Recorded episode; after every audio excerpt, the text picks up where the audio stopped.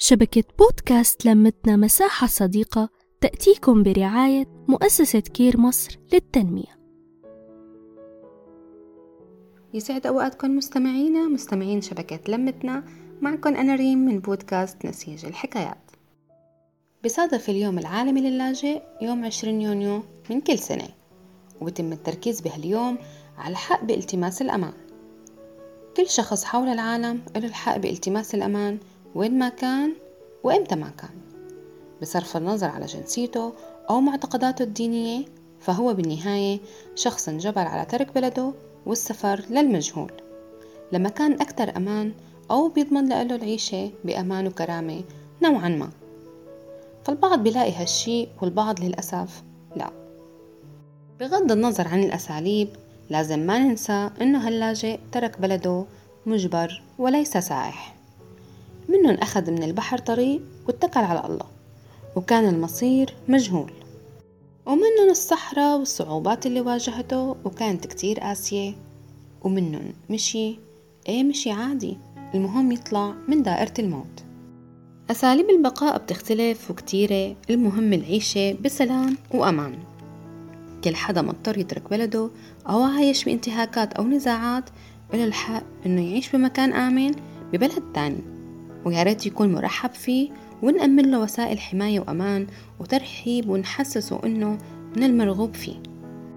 مو إنه هو الشخص اللي خرب حياة البعض ونقص من الأكسجين ذرة زيادة وكانت من حق أهل البلد المضياف. عدم التمييز والمعاملة بإنسانية كمان من أهم الشغلات يلي بتأثر بنفسية اللاجئ. يعني إذا من البلد الفلان يا مرحبا أو ديانته أو لونه كذا فهو على رأسنا. والبعض التاني رب ما بينسى. هلأ اجينا للمهم. ليش انعمل يوم مخصص للاجئ؟ فبيوم من الأيام قررت الأمم المتحدة مشكورة تعمل يوم مخصوص تكريما للاجئ. ولنسلط الضوء عليهم ونساعدهم ليثبتوا حالهم ويعيشوا بحياة جديدة وطريق جديد. بهاليوم بتم التركيز على حقوقهم واحتياجاتهم وأحلامهم.